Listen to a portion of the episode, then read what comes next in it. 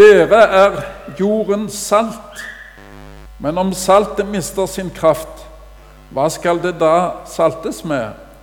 Det duger ikke lenger til noe uten å kastes ut og tråkkes ned av menneskene. Dere er verdens lys. En by som ligger på et fjell, kan ikke skjules. Heller ikke tenner noen et lys og setter det under en skjeppe, men i lysestaken. Da lyser det for alle som er i huset.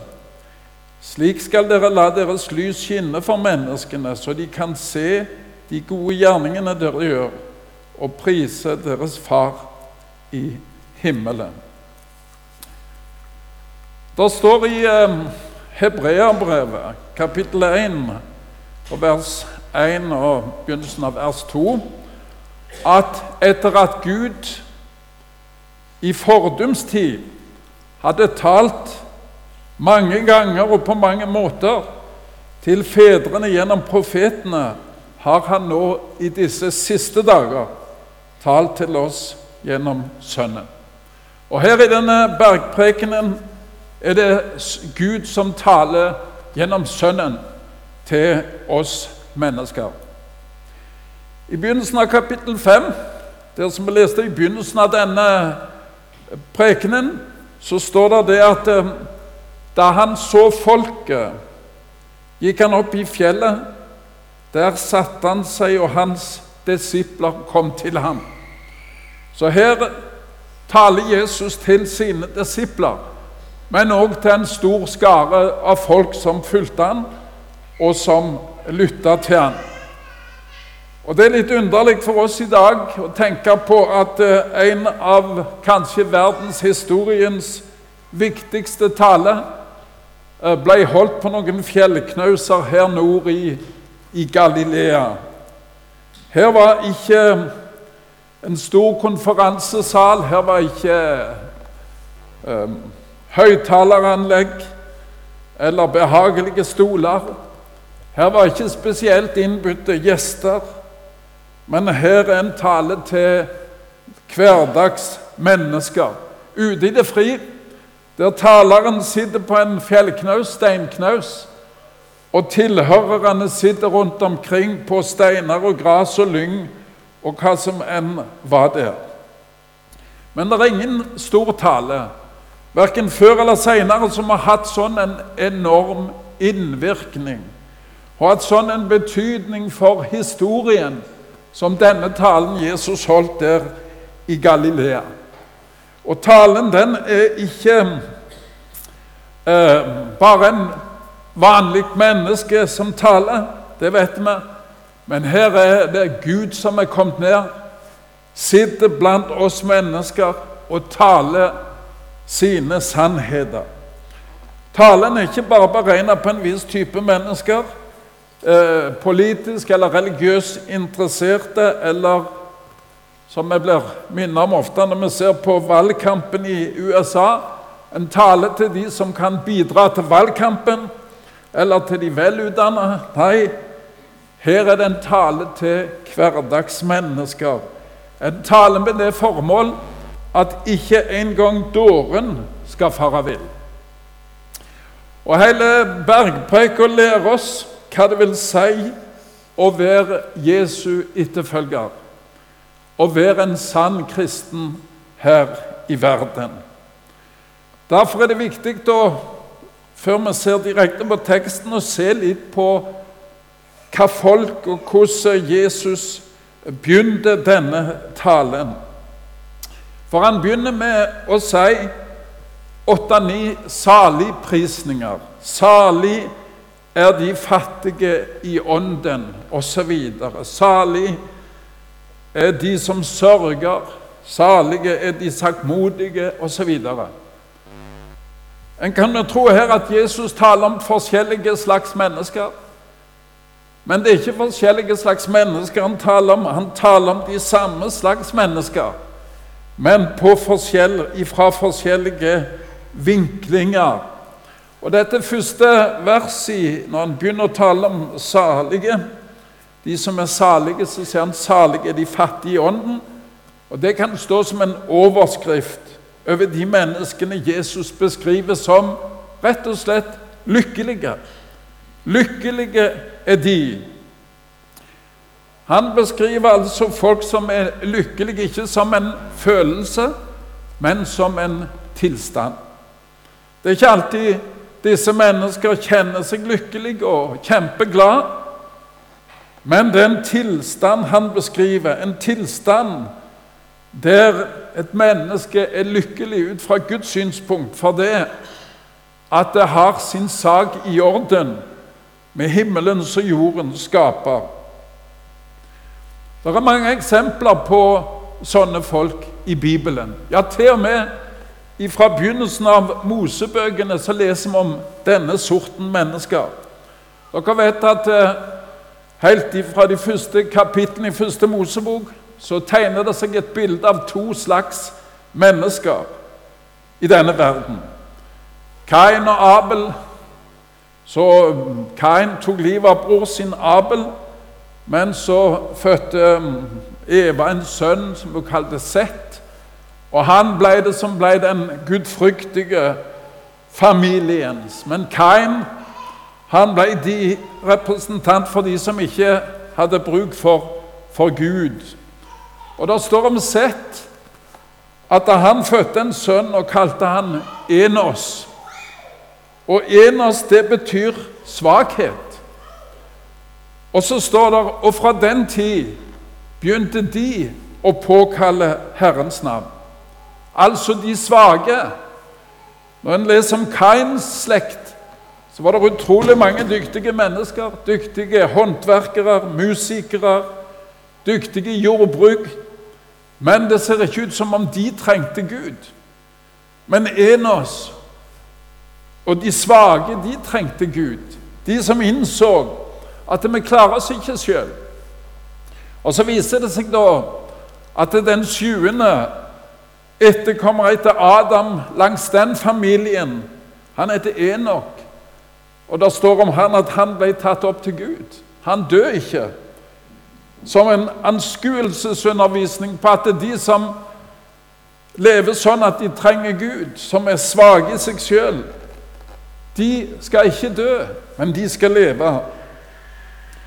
Der er òg mange andre. En kan gå gjennom profetrekken og historiene fra Det gamle testamentet.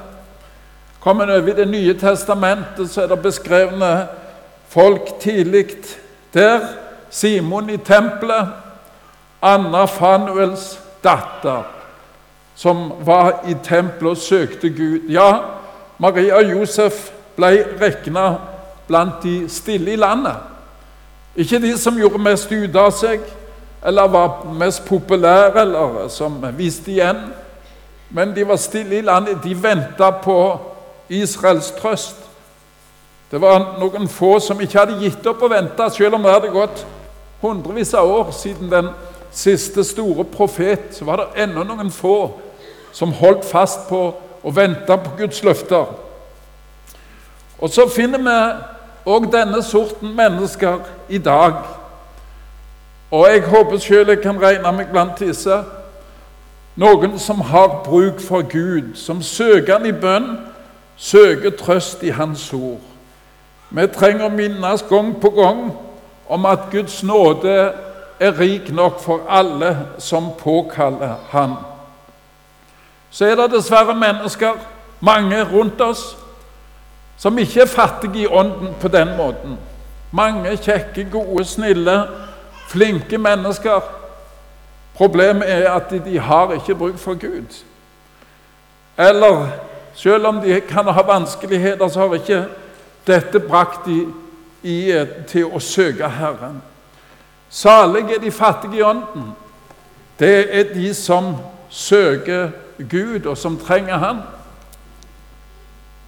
Så skal vi se direkte på den teksten. Det er altså disse Jesus taler til, som er fattige i ånden, som trenger Han, som ikke kan leve uten Han, som har sitt håp i Han, der livet dreier seg om å leve sammen med Gud.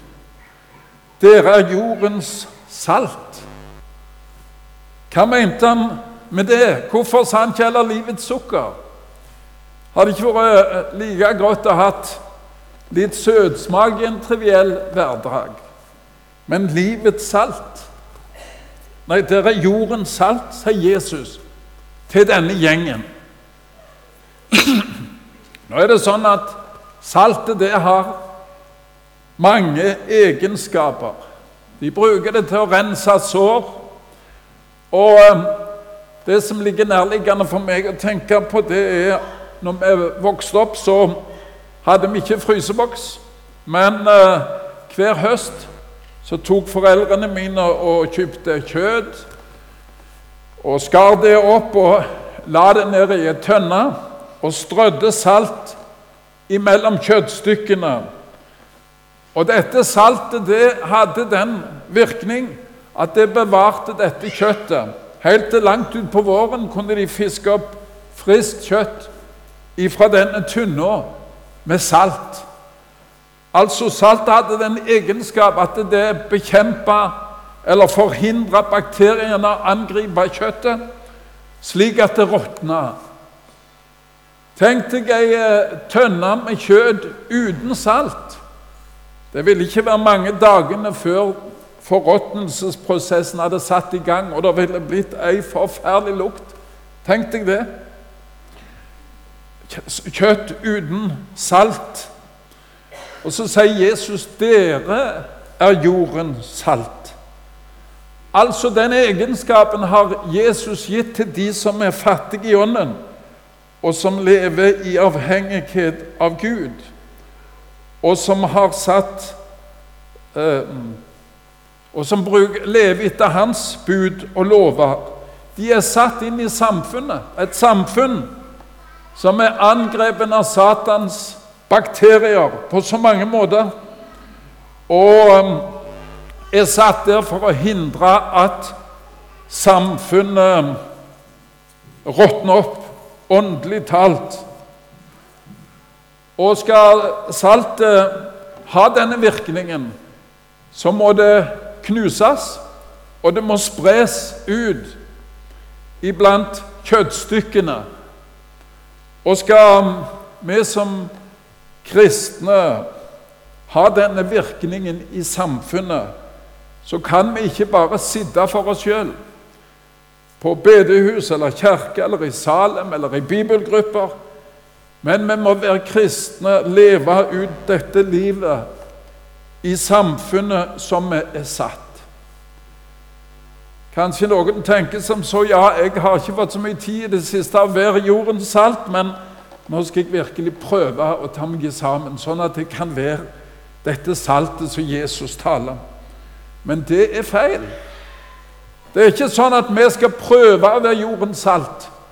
Men det er sånn at når vi tar Guds ord til oss, når vi lever i avhengighet av Han og tar Hans ord på alvor i vårt daglige liv, i møte med mennesker, da er vi jordens salt. Da har vi den innvirkning i samfunnet som saltet har til å bevare kjøtt osv. Og, så snakket Jesus om her et salt som var uten kraft. Um, det duger ikke lenger til noe uten å bli kasta ut og trådes ned av menneskene. Ja, det saltet som hadde mista sin kraft, som ikke lenger eh, hadde saltets egenskaper i seg, det ble brukt til, til eh, å strø på veiene. Akkurat som grusen brukte de det på veiene, så folk kunne gå og, og trø på det. Det ser akkurat likt ut som det andre saltet, men den indre kraften er vekke. Og Så er det altså spørsmål hvordan kan det ha seg at eh, de som en gang var salt, som en gang levde nær Jesus, som en gang tok hans ord på alvor i sitt daglige liv, kan miste den egenskapen og bli helt verdiløse i samfunnet som kristne. Hvordan kan det gå an? Ja, vi trenger vel ikke gå så veldig langt før vi, når vi ser rundt oss hvordan den eh, saltets eh, kraft som var i vårt eh, land og i vårt samfunn hvordan kristendommen gjennomsyra mye av tankegangen hos folk. Jeg kan godt huske naboen min. De var ikke kristne, men han eh, sa det at uh, du, Far min sa, det at du må bare ikke kjøre, tenke deg å kjøre høy på søndag. For det hadde han prøvd en gang, og det høyet det ble ikke noe bra. Så måtte holde søndag som en helligdag. Og sånn var det mange ting i vårt samfunn som var påvirka av kristendommen, og som nå ikke lenger blir tatt på alvor. En kan bare tenke på én ting som, eh, som eh, Hvordan kristne før var engasjert i en ting som avholdsbevegelsen. Hvordan eh, kristne kjempa imot alkohol og alkoholens virkninger. Og nå for tida får en inntrykk av at for mange, og kristne, så gjelder det om å vise at nei, jeg er ikke så trangsynt, jeg. Jeg kan ta meg et glass i et godt selskap. Jeg er ikke så trangsynt at jeg tar avstand fra alkohol. Nei, vi er ikke sånn lenger. Vi er ikke så trangsynte. Og jeg hører til og med at eh, i kristne selskaper nå er det uh, Kan det godt hende hos noen at det blir servert alkohol, og til og med full. Og det er til stor ulykke både for unge og de det, det rammer. Ja, ikke bare unge. Og På den måten så blir jo troverdigheten i edruskapskampen forsvinner. Og den er det vel ingenting omtrent igjen av. Før kunne kristne ledere, og det er nok de i dag òg, være moralske stemmer i samfunnet. De ble hørt og respektert. Jeg husker jeg er så gammel at jeg husker i begynnelsen av 70-tallet, når de i Norge diskuterte mm, på Stortinget, svart-hvitt fjernsyn, om abortloven. Da var det til og med en stortingsmann som gikk fram, han er forresten fra Madla, og leste ifra Bibelen om menneskeverdet, om hvordan Gud kjente oss mens vi var et foster. Og, men nå for tida har en heller inntrykk av at vi er kristne. Vi kan skylde på Kirka, men uh, vi er ikke så mange, mye stort bedre, så mange av oss. Vi kommer dinglende etter moralspørsmål. Det som var galt for en generasjon siden, er ikke lenger galt i folks oppfatning. Rett og galt er blitt utvatna. Og det stemmer godt med den tid som vi lever i, som kalles for postmodernismen. Der det er galt å si at noe er sant og rett, for det må enhver finne ut hva som er sant og rett. Og hvem troende vil være gledesdreper i samfunnet med å mase om abort og homoseksuelle ekteskap som synd imot Gud. Bare se de mest populære biskoper og politikere er de som taler og lærer slik som folk vil høre. Og den mest populære kristen er den som ikke står på prinsippene i Guds ord, som kan gå med på det meste. Det er sånn som en ser rundt oss, og sikkert opplever vi noe av det noen hver. For eh, det å ta Guds ord på alvor i hverdagen er sannelig ikke lett. Det vet vi. Men på den måten, når Guds ord, når vi ikke tar Guds ord på alvor, så blir vi blant de som mister krafta. Og saltet mister sin kraft. Det har ikke lenger den virkningen i samfunnet at det er med å hindre oppløsning og hindre forråtnelse. Jeg leste faktisk i Jerusalem Post nylig, og det er en litt annen sammenheng, men der sto det en setning som jeg syns var god. Det er hardt å stå på sannheten når folk vil ha løgnen. Det tror jeg stemmer nokså godt. Han traff spikeren på hodet. I Bibelen så leser vi om profeter som talte det folk ville høre. Jeg har en historie f.eks. i Jeremias kapittel 28. Og um, der er det en profet som står imot profeten Jeremias. Jeremias forkynte dom og omvendelse. Og så kommer Hananja og så um, forkynner noe annet og forkynner trøst og sier nei, nei, Gud vil ikke straffe folket, Gud er god, osv. Og, så får Jeremias beskjed om å gå tilbake til Hananja og si til han ehm, Hør nå, Hananja, Herren har ikke sendt deg, og du har fått dette folket til å sette din lit til løgn. Herren har ikke sendt deg, og du har fått dette folket til å sette sin lit til løgn. For en dom over en profet, en forkynner eller en kristen. Du har fått folket til å sette sin lit til løgn. Du forkynner noe som ikke er sant, og derfor fører du folket vill. Vær den som gir folk trøst, som ikke har grunnlag i Guds ord. Ehm, den kom i den situasjonen at eh, det saltet som en skulle ha vært, mister sine egenskaper. Og Så kan vi spørre oss sjøl i nærliggende, mer nærliggende ting som Guds ord taler om, som uh, gjelder alle. Vi er sammen på, i Salem og bedehus og og snakker om tilgivelse. Og hvordan er det med tilgivelse oss imellom? Hvordan er det med å tilgi de i vår heim som kanskje gjør noe mot oss som vi ikke liker, osv.? Hvordan er tilgivelsen i sammen med folk som, som går iblant? Den ubetinga tilgivelse som Jesus hadde, den skulle prege oss.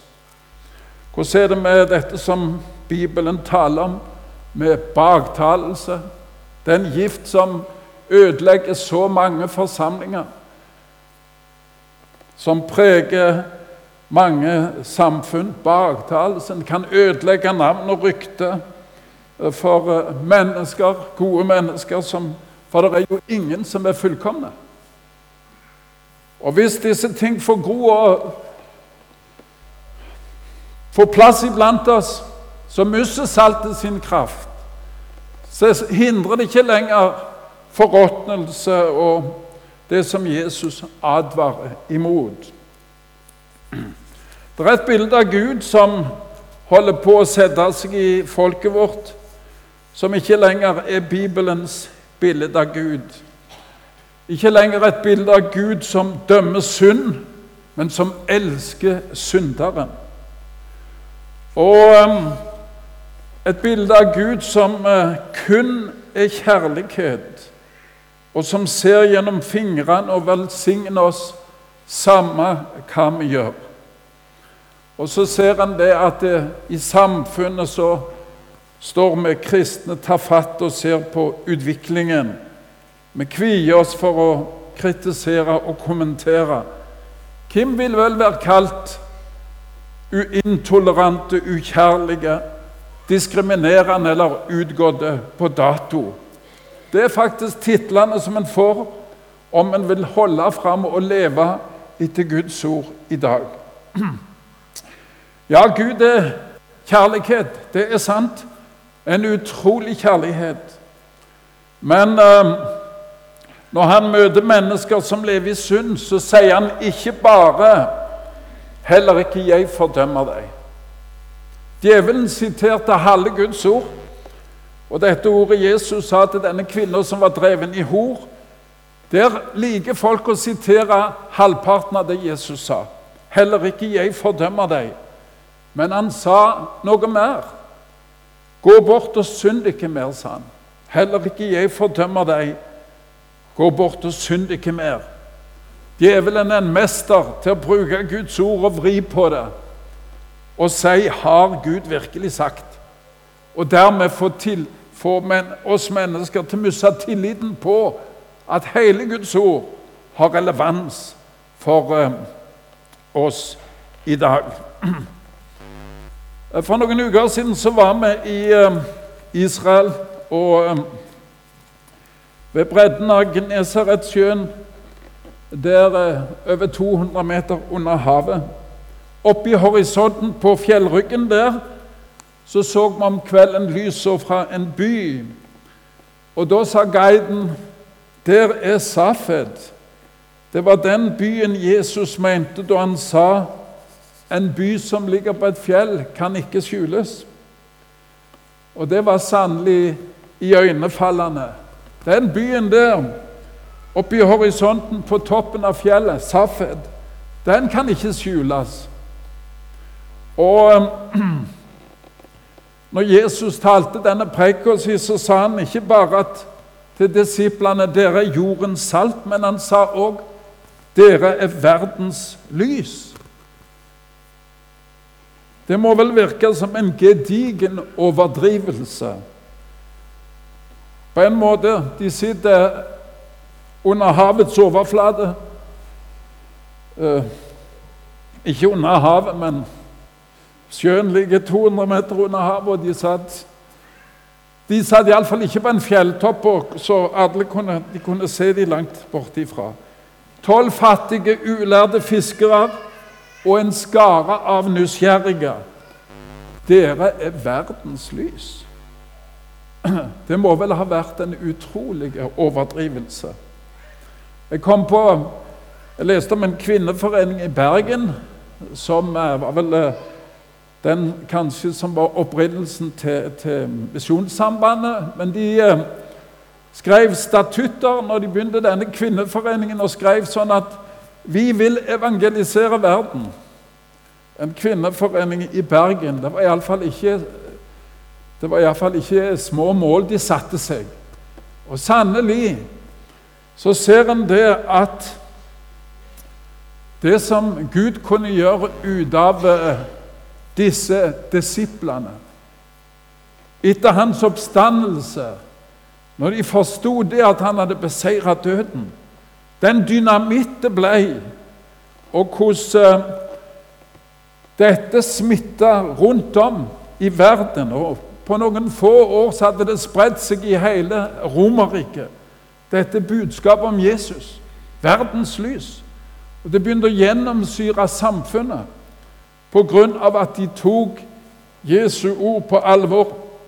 De hadde møtt Han som var oppstanden fra de døde, som hadde beseira døden og gitt håp til evig liv. Og jeg tror, iallfall for min del, så trenger jeg litt av den begeistringen på nytt igjen for Jesus.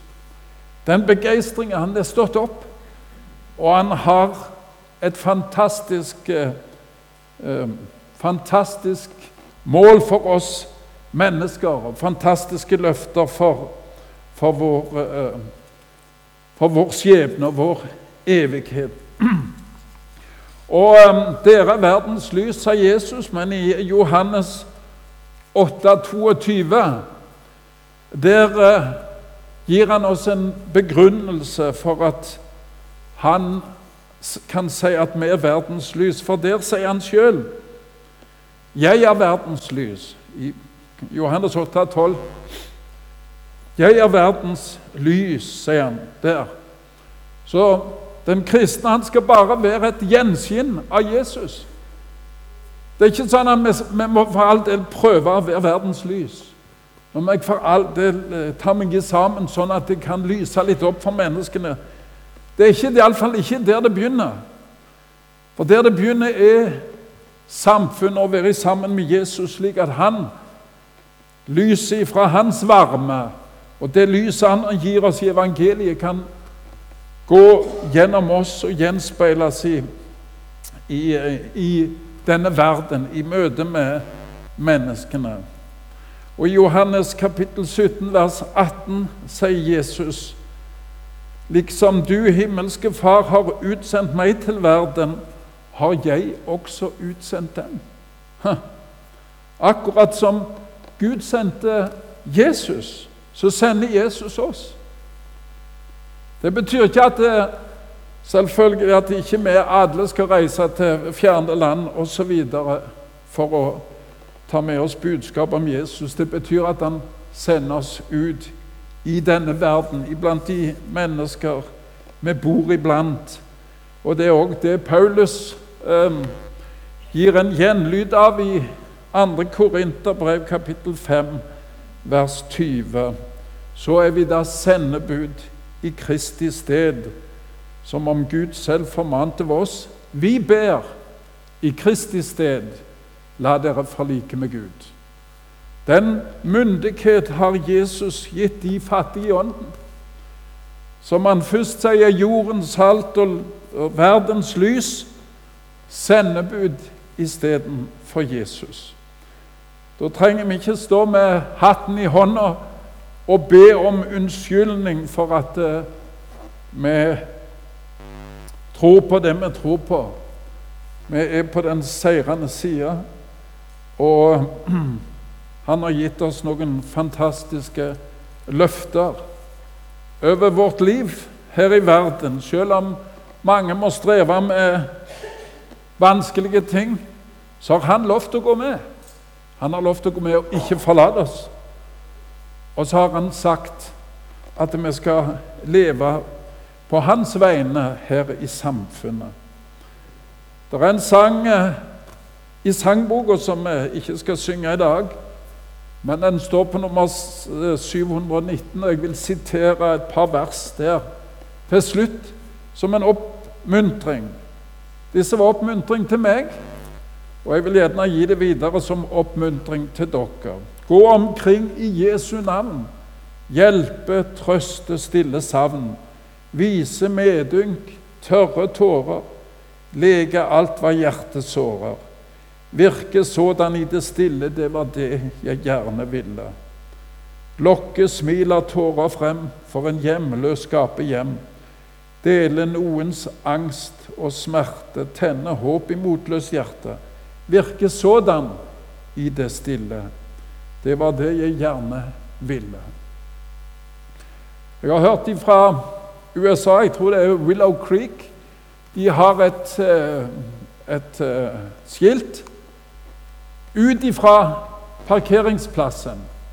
Og det står der You are entering the mission field. Nå kjører du inn på misjonsmarka. Og kanskje vi skulle minne hverandre om at når vi går herifra i dag at uh, vi er sendebud i Kristi sted. Vi er sendt ut ifra dette møtet, ut i vår hverdag, og være der istedenfor Jesus. Og formidle Hans nåde og tilgivelse og være et lys. Men det begynner med at vi sjøl er sammen med Han og tar oss tid til å la Hans lys få skinne inn i vårt hjerte. Og la Han få formidle sin nåde, ikke minst til oss slik at vi kan få glede oss over at vi er Guds barn av bare nåde. Amen.